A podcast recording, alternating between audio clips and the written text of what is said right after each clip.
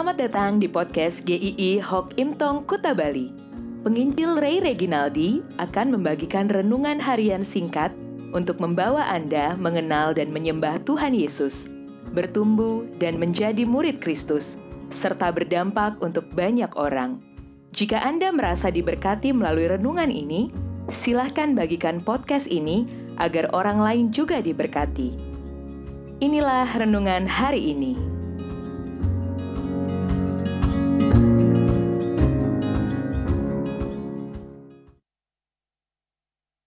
Kuat dan aman. Ibrani 6 ayat 19. Pengharapan itu adalah sauh yang kuat dan aman bagi jiwa kita yang telah dilabuhkan sampai ke belakang tabir. Hidup tanpa pengharapan adalah seperti hidup yang sudah tidak bernyawa. Meskipun kita bisa hidup, tetapi sesungguhnya itu tidak bisa dikatakan hidup juga. Orang yang tidak memiliki pengharapan tidak akan peduli lagi pada apa yang terjadi pada dirinya. Hidupnya bisa dijalani dengan sembarangan saja. Saat tidak memiliki pengharapan, hidup seseorang juga sering kali diselubungi dengan ketakutan demi ketakutan. Hidup yang dijalani tidak pernah tenang, gelisah.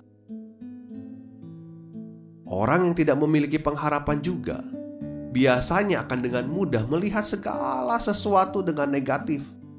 Orang-orang dinilai jelek, pekerjaan dinilai buruk, seperti memakai kacamata hitam, semuanya gelap, buruk.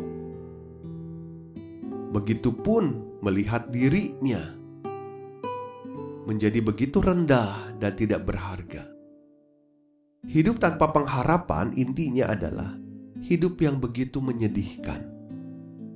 Jika Anda ada yang mengatakan hari ini saya nggak punya pengharapan lagi dalam hidup ini, saya nggak tahu lagi untuk apa saya hidup.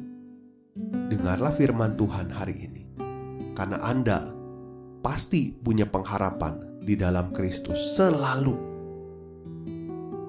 Firman Tuhan mengatakan, pengharapan itu adalah sauh yang kuat dan aman bagi jiwa kita. Firman Tuhan yang mengatakan ini bahwa pengharapan itu mengkokohkan hidup kita. Tetapi yang perlu kita tahu adalah pengharapan seperti apa yang dimaksud. Di dalam dunia ini ada banyak pengharapan, yaitu pengharapan-pengharapan yang kosong, yang sementara, yang seperti uap, sebentar ada, sebentar hilang. Pegangan yang tidak bisa dijadikan pegangan yang begitu rapuh, tetapi ada pegangan yang kokoh, yaitu pengharapan di dalam Kristus. Mengapa? Karena Tuhan Yesus adalah Juru Selamat yang memberikan pengharapan. Maksudnya, Tuhan Yesus mati menebus dosa, dan Dia bangkit kembali, hidup selamanya. Artinya, di dalam Dia ada pengampunan dosa, tidak diperhitungkan lagi dosa kita karena Tuhan Yesus tuntas menebusnya lunas, kontan. Kita tidak punya beban lagi yang dibawa untuk di kekekalan nanti. Dan satu lagi yang tidak boleh ketinggalan, ini adalah satu paket dengan hidup yang kekal. Hidup yang bukan kematian.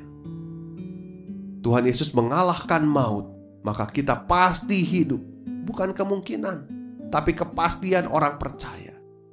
Jadi pengharapan di dalam Tuhan Yesus itu selalu ada. Kenapa? Karena pertama, kita sudah ditebus dosa kita. Kita tidak membawa beban dosa apa pun lagi nanti di kekekalan. Kedua, kita pasti hidup bukan mati. Kita pasti hidup.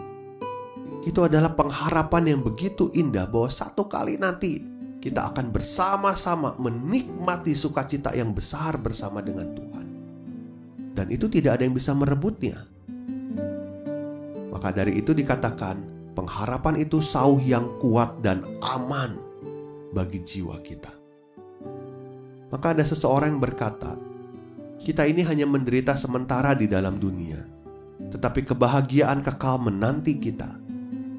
Ini sudah dipastikan semenjak kita hidup kita adalah orang-orang yang pasti hidup lagi nantinya.